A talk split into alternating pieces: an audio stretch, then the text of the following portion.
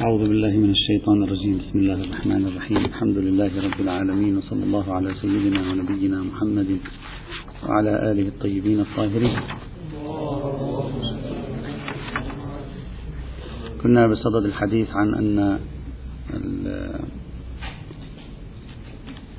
نطاق عمل آه، السلطة الشرعية وولي الأمر ونطاق عمل حركة السياسة الشرعية هل هي مشروطة بالمصلحة أو يكفي فيها عدم المفسدة؟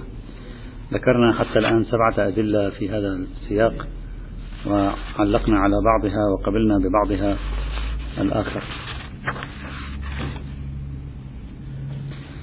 كنا نتكلم عن الدليل السابع والأخير. قلنا بصرف النظر عن الإشكالية التي طرحت فيما يتعلق بنفس علاقة الدليل السابع بموضوع مال اليتيم.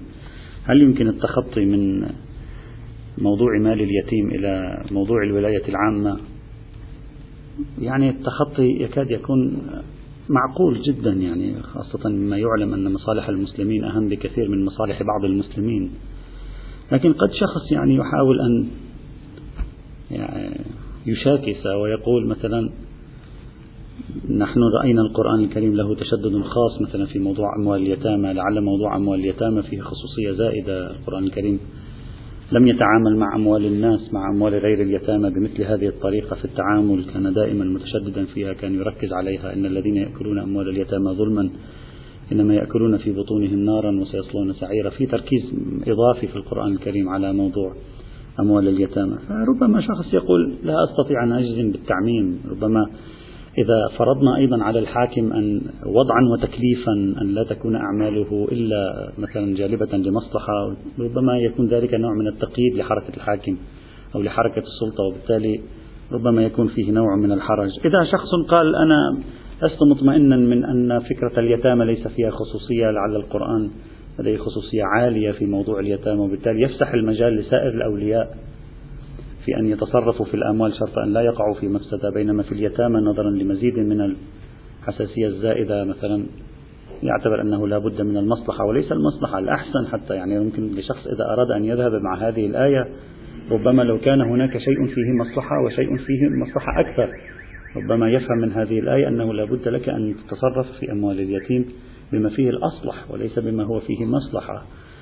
فإذا هذه تابعة للاستذواق العرفي. إذا شخص شعر أن أنني غير قادر على أن أخرج من خصوصية اليتامى ولو بالأولوية بادعاء أن القرآن الكريم كان جدا مركزا على موضوع اليتامى جدا مهتما بموضوع اليتامى فلعله لهذه الخصوصية قال بالتي هي أحسن. إذا شخص لم يقدر على الخروج من الخصوصية لا يمكن أن يستفيد من هذا الدليل شيئا هنا. يصبح هذا الدليل في بحث أموال اليتامى والقاصرين. أما إذا شخص قال لا لا فرق بين أموال اليتامى. أموال الناس هم أيضا عند الله تبارك وتعالى مثل أموال التفريط بأموال الناس أو تعريض أموال الناس للخطر بواسطة عن أن لا نشترط المصلحة نضعها في الوسط عدم المصلحة وعدم المفسدة. أيضا خطأ. إذا كان كذلك فلا بأس قياس الأولوية يمكن أن يجد لكن على أي حال هذا الدليل مفيد للتأييد. يعني إن لم يكن دليلا قائما بنفسه فلا أقل يؤيد القول باشتراط عمل الحاكم المصلحة. إذا النتيجة التي نخرج بها حتى الآن من هذا البحث هي لم نجد في دليل جعل الولاية للحاكم جهة كان أم فردا. لم نجد إطلاقا محرزا لحالة عدم المصلحة وعدم المفسدة. والسبب في ذلك كما قلنا سابقا أن الشريعة لم تكن بصدد تأسيس مفهوم الحاكمية. حتى نتمسك بالإطلاق لأن مفهوم الحاكمية مؤسس من قبل. ترشد إلى مفهوم الحاكمية المركوز في حياة العقلاء وهي بصدد تأسيس من هو الحاكم أكثر من تأسيس الحاكمية. فلا نستطيع بنصوص لسانها في مقام بيان تأسيس من هو الحاكم لا في مقام بيان الحاكمية نفسها. أن نتمسك بإطلاق لحدود هذه الحاكمية هل تشمل حالة المصلحة؟ المفسدة عدم المصلحة والمفسدة أو لا. فحاصل الاستدلال الذي يبدو لي هو الأرجح أن ندعي أن أصل النصوص الدالة على جعل الحاكمية للحاكم. أي حاكم كان أصل هذه النصوص ليست في مقام البيان أو لا يحرز أنها في مقام البيان من حيث سعة الحاكمية بل هي في مقام البيان من حيث الحاكم نفسه من هو.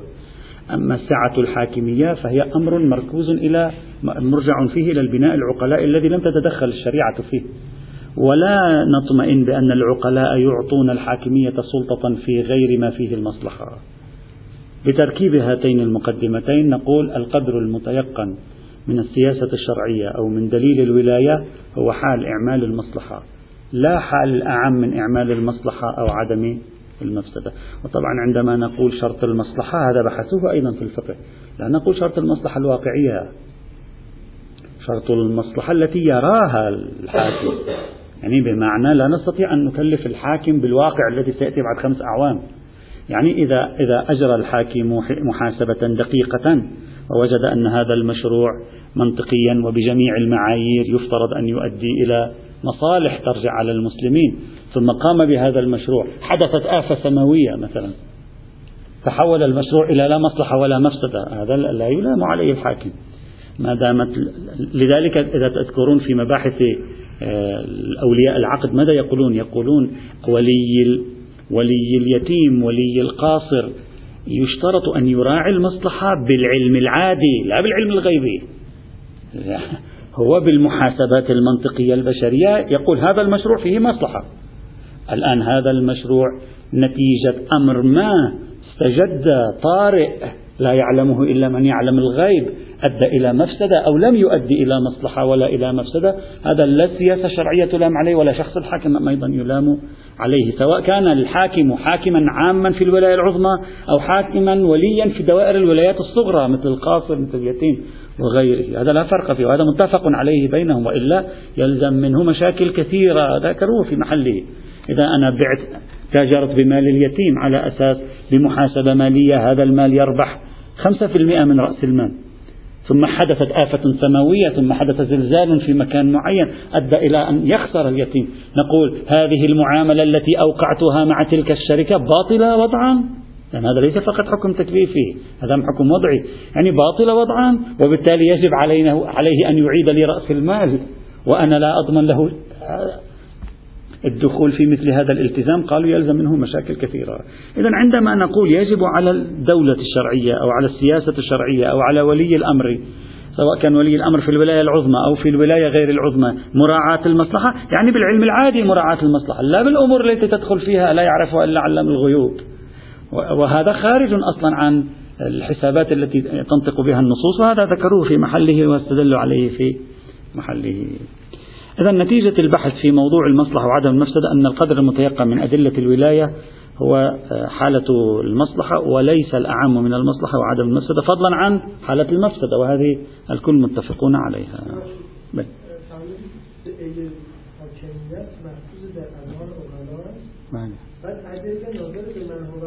بله بله لو كان في عندنا دليل لذكر هنا لا يوجد دليل. مثلا مجاري الأمور بيد العلماء. وأما الحوادث الواقعة فارجعوا فيها إلى هذه عمدة أدلة الحاكمية هذه. وأمرهم شورى بينهم. مثلا أطيعوا الله وأطيعوا الرسول وأولي الأمر منكم. ليست بصدد الحديث عن سعة الحاكمية أصلا.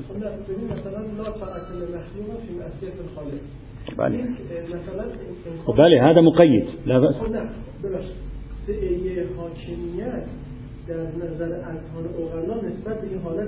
لا هذا دليل إضافي جاء لا بأس. نحن لا نقول لا نقول لا يوجد مقيدات توجد مقيدات هنا لا يوجد هذا المقيد لا المقيد موجود ولا الإطلاق موجود. بلى بلى بلى بلى في موارد أخرى يذكر شرطا يذكر قيدا يذكر لا بأس طبعا أكيد. لكن في موضوع بحثنا فيما يتعلق بالمصلحة وعدم المفسدة لا نجد في في أدلة جعل الولاية ما يفيد آه، السعة هنا أو الضيق لا, لا يوجد شيء. ولا توجد أدلة مستقلة خاصة بالمورد. تقول لازم المصلحة أو تقول يمكن المصلحة أو عدم المفسدة. أما هناك في لا طاعة لمخلوق في معصية الخالق توجد أدلة تقول إن حدود الولاية يجب أن تكون في ملافي المعصية فيه. لا بأس. النقطة الأخرى التي نود أن نتحدث عنها أيضا في هذه الجولة المختصرة في بحث المصلحة في السياسة الشرعية الحكم الولائي وعلاقته بالمصلحة في السياسة الشرعية.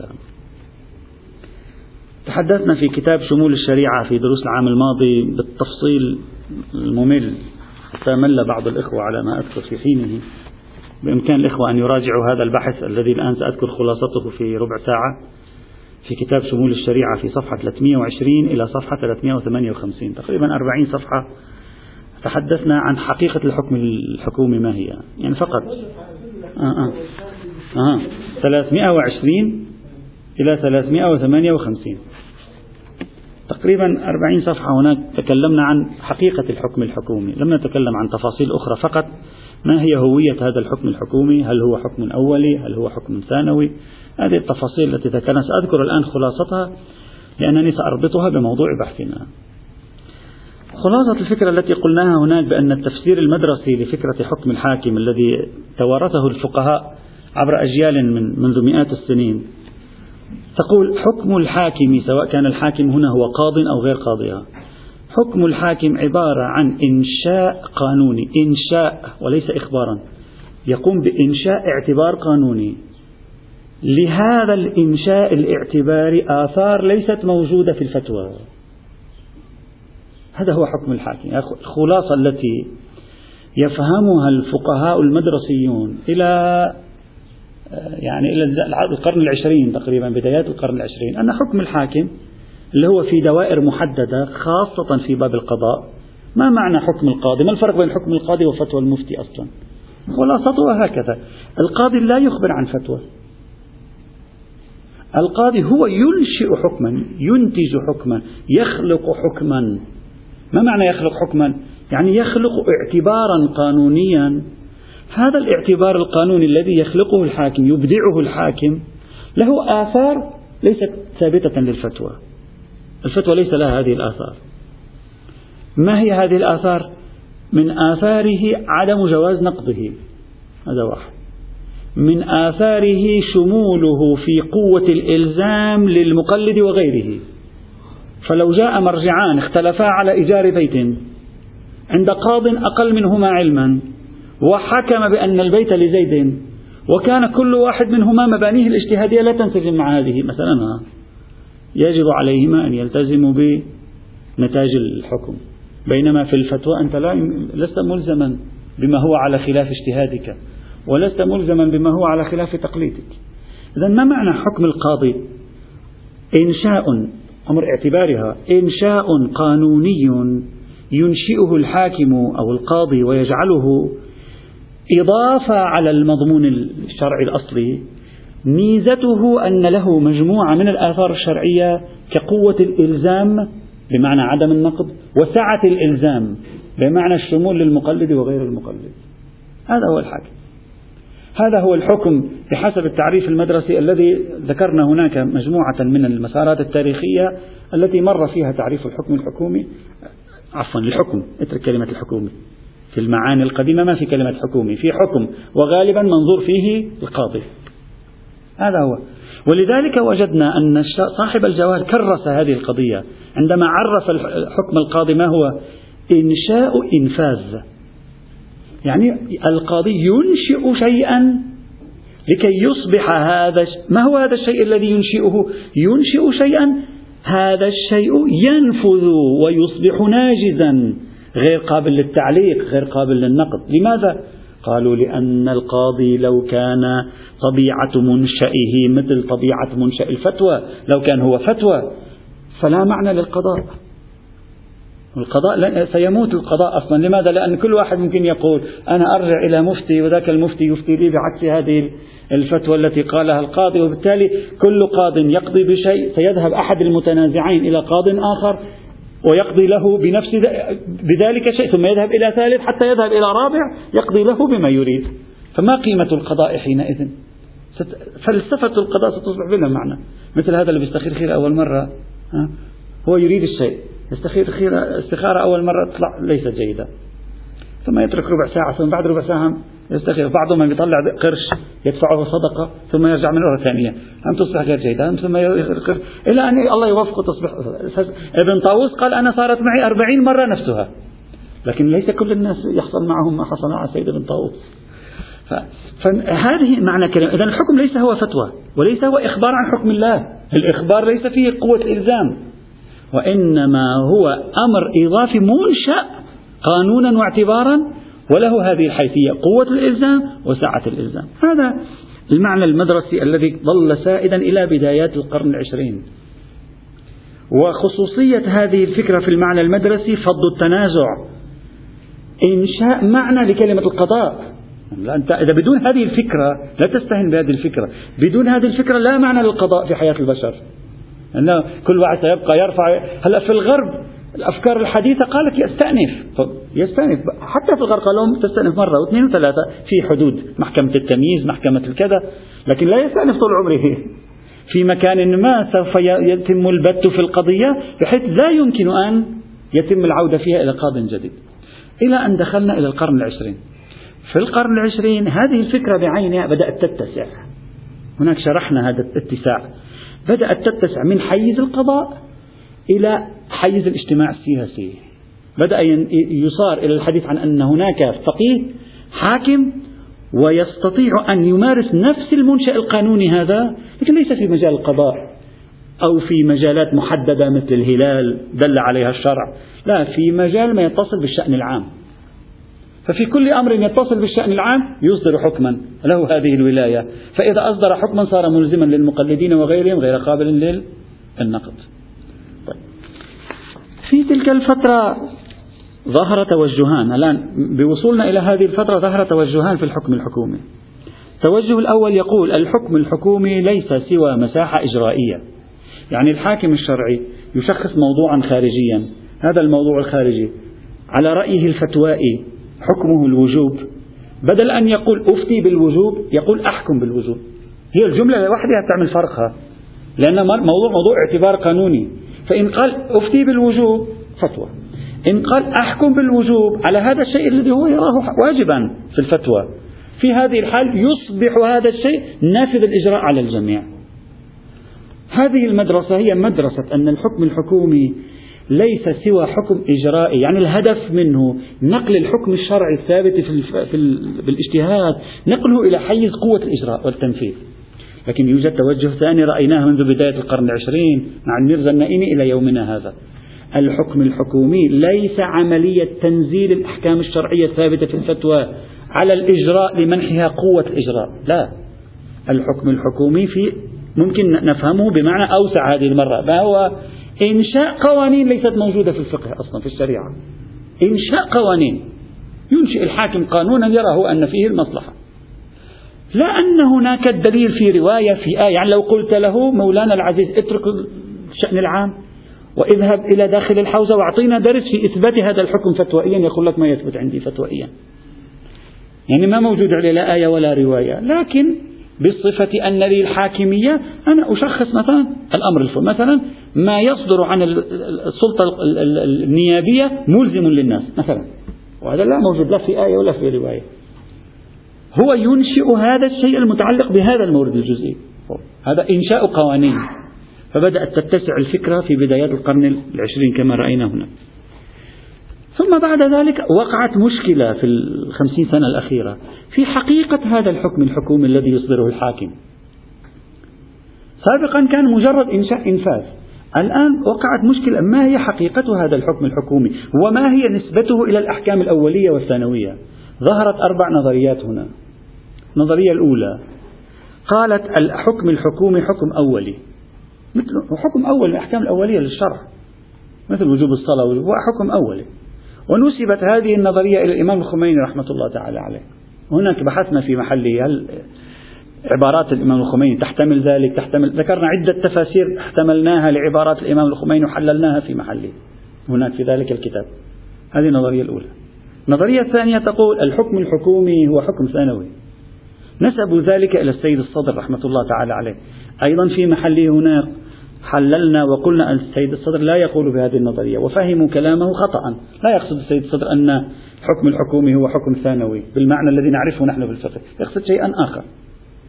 وفي الحقيقة الشخص الذي تبنى أن الحكم الحكومي هو حكم ثانوي بحسب التتبع هو الشيخ محمد تقي الجعفري رحمة الله تعالى. هو صرح بأن الحكم الحكومي حكم ثانوي بالمعنى الذي نعرفه لكلمة حكم ثانوي. النظرية الثالثة قالت الحكم الحكومي تارة يكون أولي تارة يكون ثانوي. الآن نتكلم عن الحكم الحكومي الواسع بالمعنى الذي ليس في القضاء بالمعنى الواسع. قال تارة يكون أوليا وأخرى يكون ثانويا. وهذا ما يظهر من عبارات الشيخ جوادي آملي حفظه الله بنحو من الظهور. وهو الصريح كلام الشيخ عباس علي عميد زنجاني رحمه الله. بنحو من الظهور يظهر من الشيخ جوادي آملي هناك ذكرنا هذا. وصريح كلام الشيخ عباس عميد زنجاني هو هذا. هذا رأي ثالث. رأي رابع. الحكم الحكومي. لا هو أولي ولا هو ثانوي. هو شيء آخر غير الأول وغير الثانوي. نعم قد يكون متعلقه حكم أولي. وقد يكون متعلقه حكم ثانوي وقد يكون متعلقه لا هو بالحكم الأولي ولا هو بالحكم الثانوي. وهذا رأينا فيه إشارة من السيد العلوي الجرجاني آه، المعاصر أيضا حفظه الله. وهذه النظرية هي التي قبلناها. وبينا الأوجه فيها في بحث مفصل وقلنا بأن الحكم الحكوم منشأ من قبل الحاكم نفسه الواضع هو الحاكم بينما الحكم الأول والثانوي الواضع هو الله. والله في الحكم الحكومي لم يضع سوى ولاية الحاكم على الحكم الحكومي يعني حقه في إنشاء أحكام حكومية وإلا المنشئ للأحكام الحكومية هو الحاكم. وبالتالي الأحكام الأولية والثانوية شيء والأحكام الحكومية شيء آخر. وهذه الأحكام الحكومية متعلقها قد يكون حكم أولي يعني يثبت له هذا الحكم الأولي فينشئ حكما لأجل قوة الإنفاذ. وقد يكون هناك حكم ثانوي في الخارج فينشئ حكما لأجل قوة الإنفاذ. وقد لا يكون لا أولي ولا ثانوي هو ينشئ قانونا من عنده على معايير المصلحة. تبعا للنظرية في باب الولاية على معايير المصلحة وهذا الحكم الذي ينشئه هو ولا هو موجود لا في الكتاب ولا السنة بدليل جعل الولاية يكون ملزما. وفي الحقيقة الحكم الحكومي هذا هو النظرية الصحيحة فيه لا هو أولي ولا هو ثانوي كما ذكرناه هناك مفصلا. طيب. وقلنا لا مانع أن يكون متعلق الحكم الحكومي حكم أول إذا الأخوة يذكرون ما بيصير في اجتماع استحالة مثل الأب الذي تجب إطاعته. الأب تجب إطاعته. إذا أمرك الأب بصلاة الظهر صار يجب عليك صلاة الظهر وصار يجب عليك إطاعة الأب. فإن لم تصل الظهر فأنت ارتكبت معصيتين من جهتين. من جهة إطاعة الأب كان يجب أن تطيعه لم تطيعه هذه معصية. ومن جهة إطاعة الله سبحانه وتعالى في صلاة الظهر أم أيضا لم تطيعه. طبعا عدم إطاعة الأب هي في النهاية معصية لله في وجوب إطاعة الأب. بل. بله بله. في عبد. لا من جانب الله. إذا الله سبحانه وتعالى قال لذلك الذي أمرنا بإطاعته لك حق العقاب لا بأس. نعم. أما إذا لم يقل له لك حق العقاب فقط له قال له لك حق الأمر وقال للشخص الآخر يجب عليك إطاعته فيما يأمرك به هنا يكون عصيانك له عصيانا لله من حيث الطاعة له. وعصيانا لله من حيث المتعلق بنفسه لو كان المتعلق بنفسه واجبا أيضا. هذا المعنى.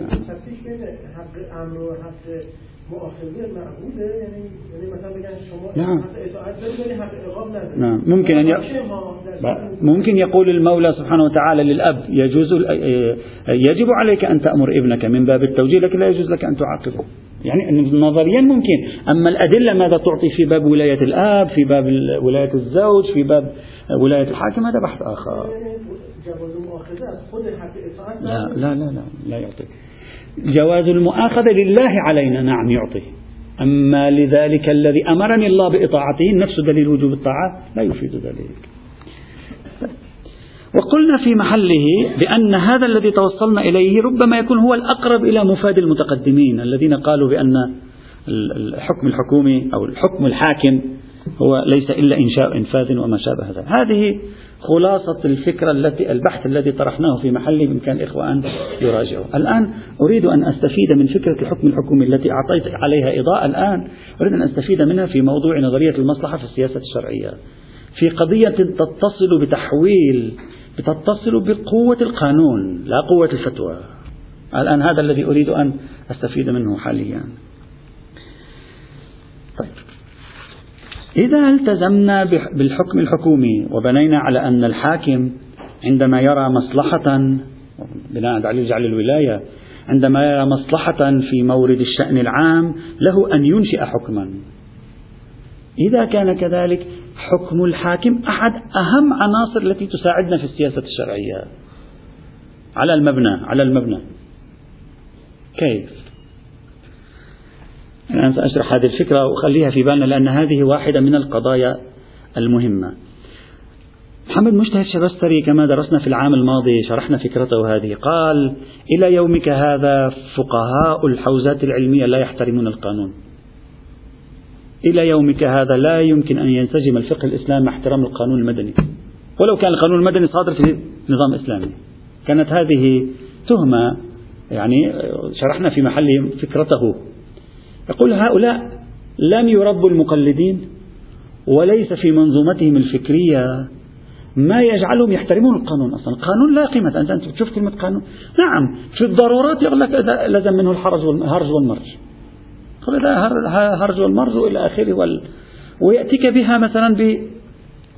بهذا العنوان. يعني بعنوان الهرج والمرج أو حالة استثنائية طارئة. وإلا أصل أن القانون محترم للفتوى للفتوى يقول لا وجود له. هذه كان يركز عليها. تحدثنا عن علقنا هناك في محله. ما أريد أن أقول هنا أن فكرة حكم الحاكم تستطيع أن تفيد السياسة الشرعية وتكرس السياسة الشرعية بحيث تحول مخرجات القانونية للدولة الإسلامية إلى تشريعات ملزمة للناس. فيما يتعلق بالشأن العام لا فيما يتعلق بالشؤون الفردية التي يرجعون فيها إلى المفتي. وذلك وذلك. أننا دائما كنا نتصور أن الحاكم يتدخل استثناء يعطي حكم. إلى الآن إلى الآن أنا رأيت مقالات أصلا بيصير يذكر صاحب المقالة يذكر حالات ممارسة الفقهاء للحكم الحكومي. يذكر أربعة خمسة الإمام الخميني سيد سيد المجدد الشيرازي آه، الكبير الشيرازي الأول الكبير آه، السيد الخامنائي يصير يقول لك الموارد التي أصدر فيها حكما حكوميا. بحيث نحن نتصور أن الحكم الحكومي هو الحالة الطارئة هي حق النقد الفيتو الذي يستخدمه الحاكم في موارد طارئة فيتدخل فيوقف شيئا أو يلزم بشيء. ما أريد أن أقوله هنا أن فكرة حكم الحاكم تستطيع أن تنقذنا من, شيء آخر. إذا إنسان قبل فيها مبنئيا ها. هذا الشيء الآخر ما هو؟ هو أن الحاكم بنفس تأسيسه للمؤسسات القانونية في الدولة. نفس نفس المؤسسات القانونية. نفس المجلس النيابي نفس مثلا المجلس الدستوري نفس السلطة القضائية نفس هذه المجامع القانونية التي تملك نفوذا قانونيا وسلطويا. بنفس أن يقوم الحاكم بإعطائها الشرعية بإمكاننا أن نجعل ذلك. طبعا إذا أراد الحاكم لا إذا لم يرد لأن الأمر بيد الحاكم الآن الحاكم فردا أو جهة.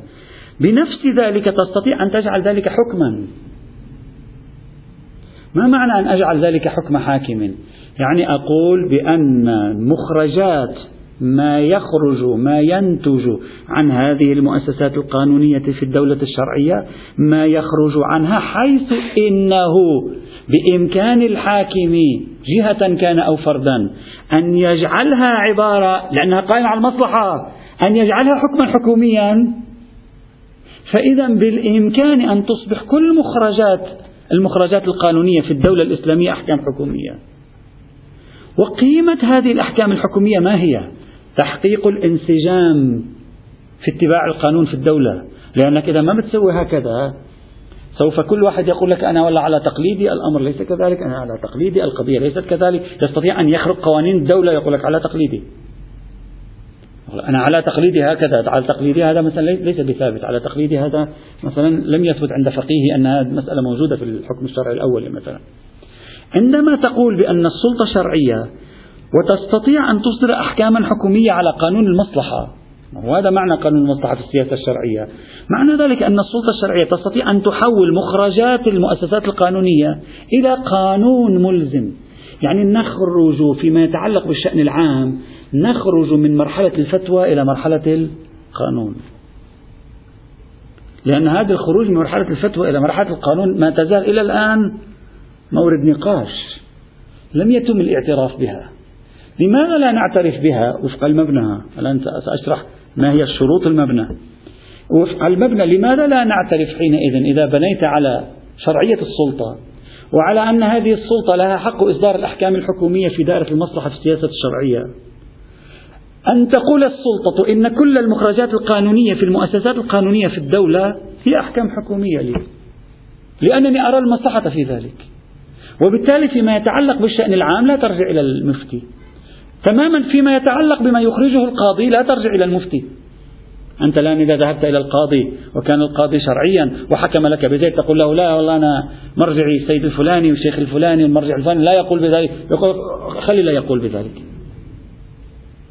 نفس الشيء يمكنك أن تفعل حين فيما يتعلق بالشأن العام لأن حدود الولاية هي حدود الشأن. أما الصلاة الصوم تصلي تصوم في قضاياك الفردية في المسائل الاجتماعية التي لا دخل لمؤسسات الدولة في إلزامك بها لا.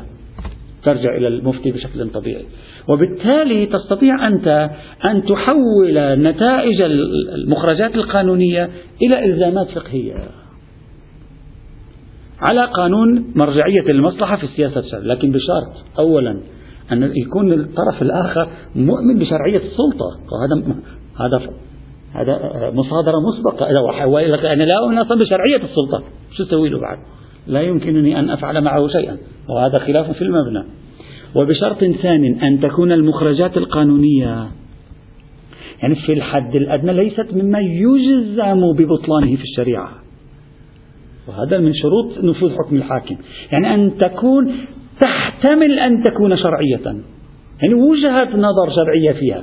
ولو كانت وجهة نظر ضعيفة لكن لا يكون هناك قطع ببطلانها الشرعي.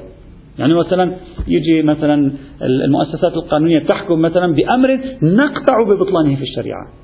إذا إذا المرجع يقطع ببطلانه في الشريعة لا تستطيع لا أن تلزمه ولا أن تلزم المقلدين باتباع ذلك القانون. من الناحية الفقهية أتكلم. إذا لحتى يمشي هذا هذا التخريج الفقهي نحتاج إلى شرطين عمدة. الشرط الأول أصل شرعية السلطة أن تكون ملتزم فيها. أما إذا شخص يقول لك أنا في عصر الغيبة لا توجد سلطة شرعية. ما أستطيع أن أقول له شيء. ثانيا أن يكون المخرجات القانونية محتملة الشرعية ليس ثابتة الشرعية ثابتة الشرعية ما ينفعنا. محتمل أن يكون لها وجه فقهي. لأن إذا لا يحتمل أن يكون لها وجه فقهي فتكون من باب حكم الحاكم الذي علم قطعا ببطلانه. وهذا مشهور الفقهاء لا يلتزمون به. وإن كان سيد باقر الصدر يقول حتى حكم الحاكم الذي تعلم قطعا ببطلانه يجب عليك الالتزام به. لكن هذا خلاف المشهور نريد أن نأتي بتخريج فقهي ينسجم لا أقل مع المشهور. إذا انسجم هذا التخريج الفقهي مع المشهور تستطيع حينئذ أن تقول المخرجات القانونية في الدولة الإسلامية يمكن أن تكون ملزمة شرعا فتوائيا تكون حينئذ ملزمة شرعا ويرجع فيها إلى المؤسسات القانونية وتصبح المؤسسات القانونية مؤسسات شرعية. بهذا المعنى لكلمة شرعية. بهذا المعنى إلا إذا أصدرت ثمة شيء يجزم ببطلانه في الشريعة. ستكون مخالفة لشرع الله بالجزم والقطع واليقين؟ لا نرفع اليد عنها. إذا بهذا نستطيع أن نستفيد من فكرة الحكم الحكومي القائمة على قانون المصلحة في السياسة الشرعية لأجل الانتقال بنظام الدولة الإسلامية من مرحلة الفتوى إلى مرحلة القانون. ولا نحتاج حينئذ أن نناضل لإثبات وحدة المرجعية والقيادة. لا أحتاج إلى ذلك. يكفيني هذا. هذا أيضا يكفي. ولا تحتاج أن تناضل لتقول يجب إلغاء تعدد المرجعيات. بعضهم طرح هذا أن تعدد المرجعيات يجب أن ينتهي. لا لا بحاجة تستطيع على نفس معاييرهم إذا قبلوا بشرعية السلطة أن تصل إلى هذا المنتج الفقهي بلا حاجة إلى أي من تلك المحاولات التي بذلت هنا وهناك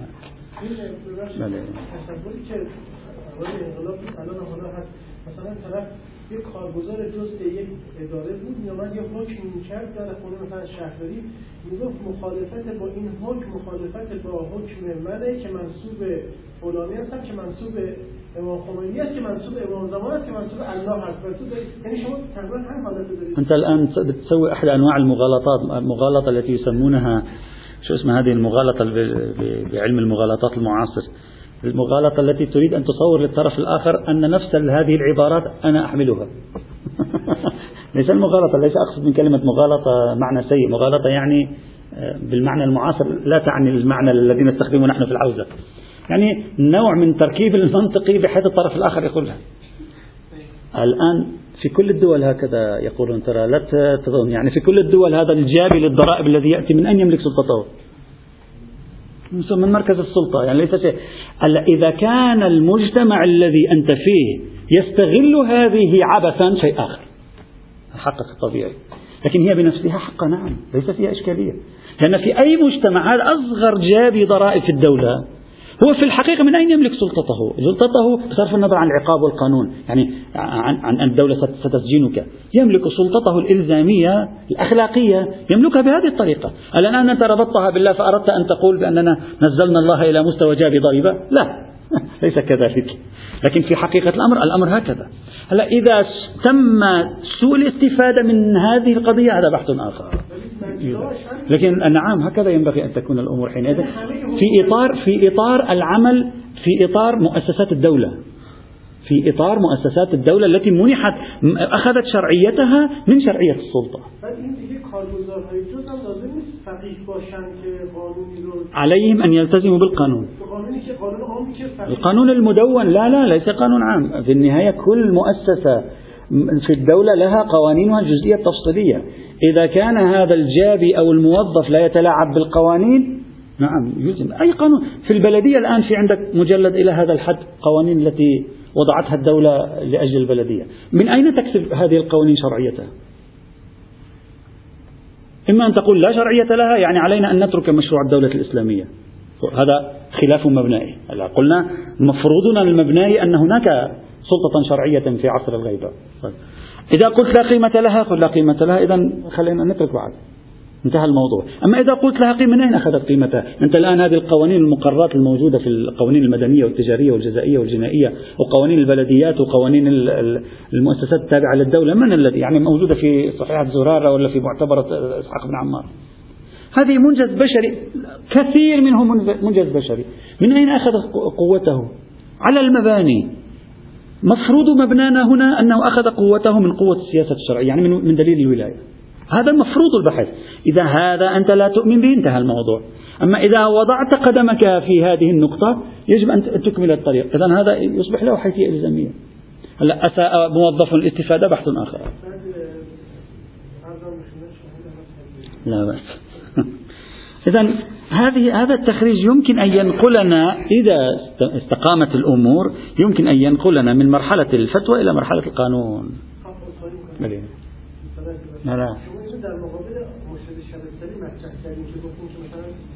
لا لا أنا أت...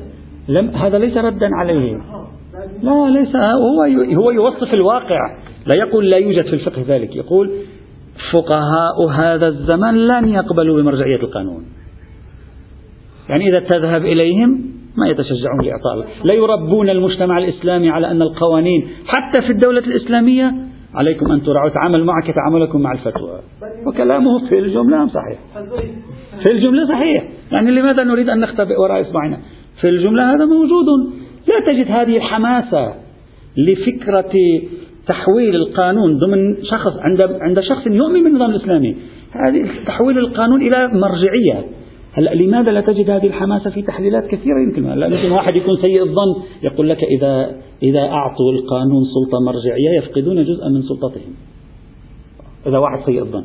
ويمكن إذا واحد ليس بسيء الظن يقول إذا أعطوا هذه السلطة يخشون أن يتم التلاعب بالقوانين. يجي أي واحد يخترع قوانين وبالتالي هذا يعارض الشرع الشريف مثلا. ممكن. حسب ما أنت تحلل القضية. أنا هناك شبستري أراد أن يوصف الواقع الخارجي ويتهم الفقهاء وكبار المراجع الذين هم في قوم فضلا عن الوضع آخر يتهمون بأنهم لا يريدون للقانون أن يصبح هو السلطة. يعني إذا أصبح القانون السلطة كأنما هم سيتنحون جانبا. فيخافون من مرجعية القانون وهذه إشكالية كبيرة. أنا ما أردت أن أقوله أنه نظريا وليس بشيء جديد لكن أردت أن أقربه. نظريا يمكن لنا أن نخلع صفة الحكم الحكومي ليس على موارد محدودة يتدخل الحاكم فيها. تنباك إلى آخره.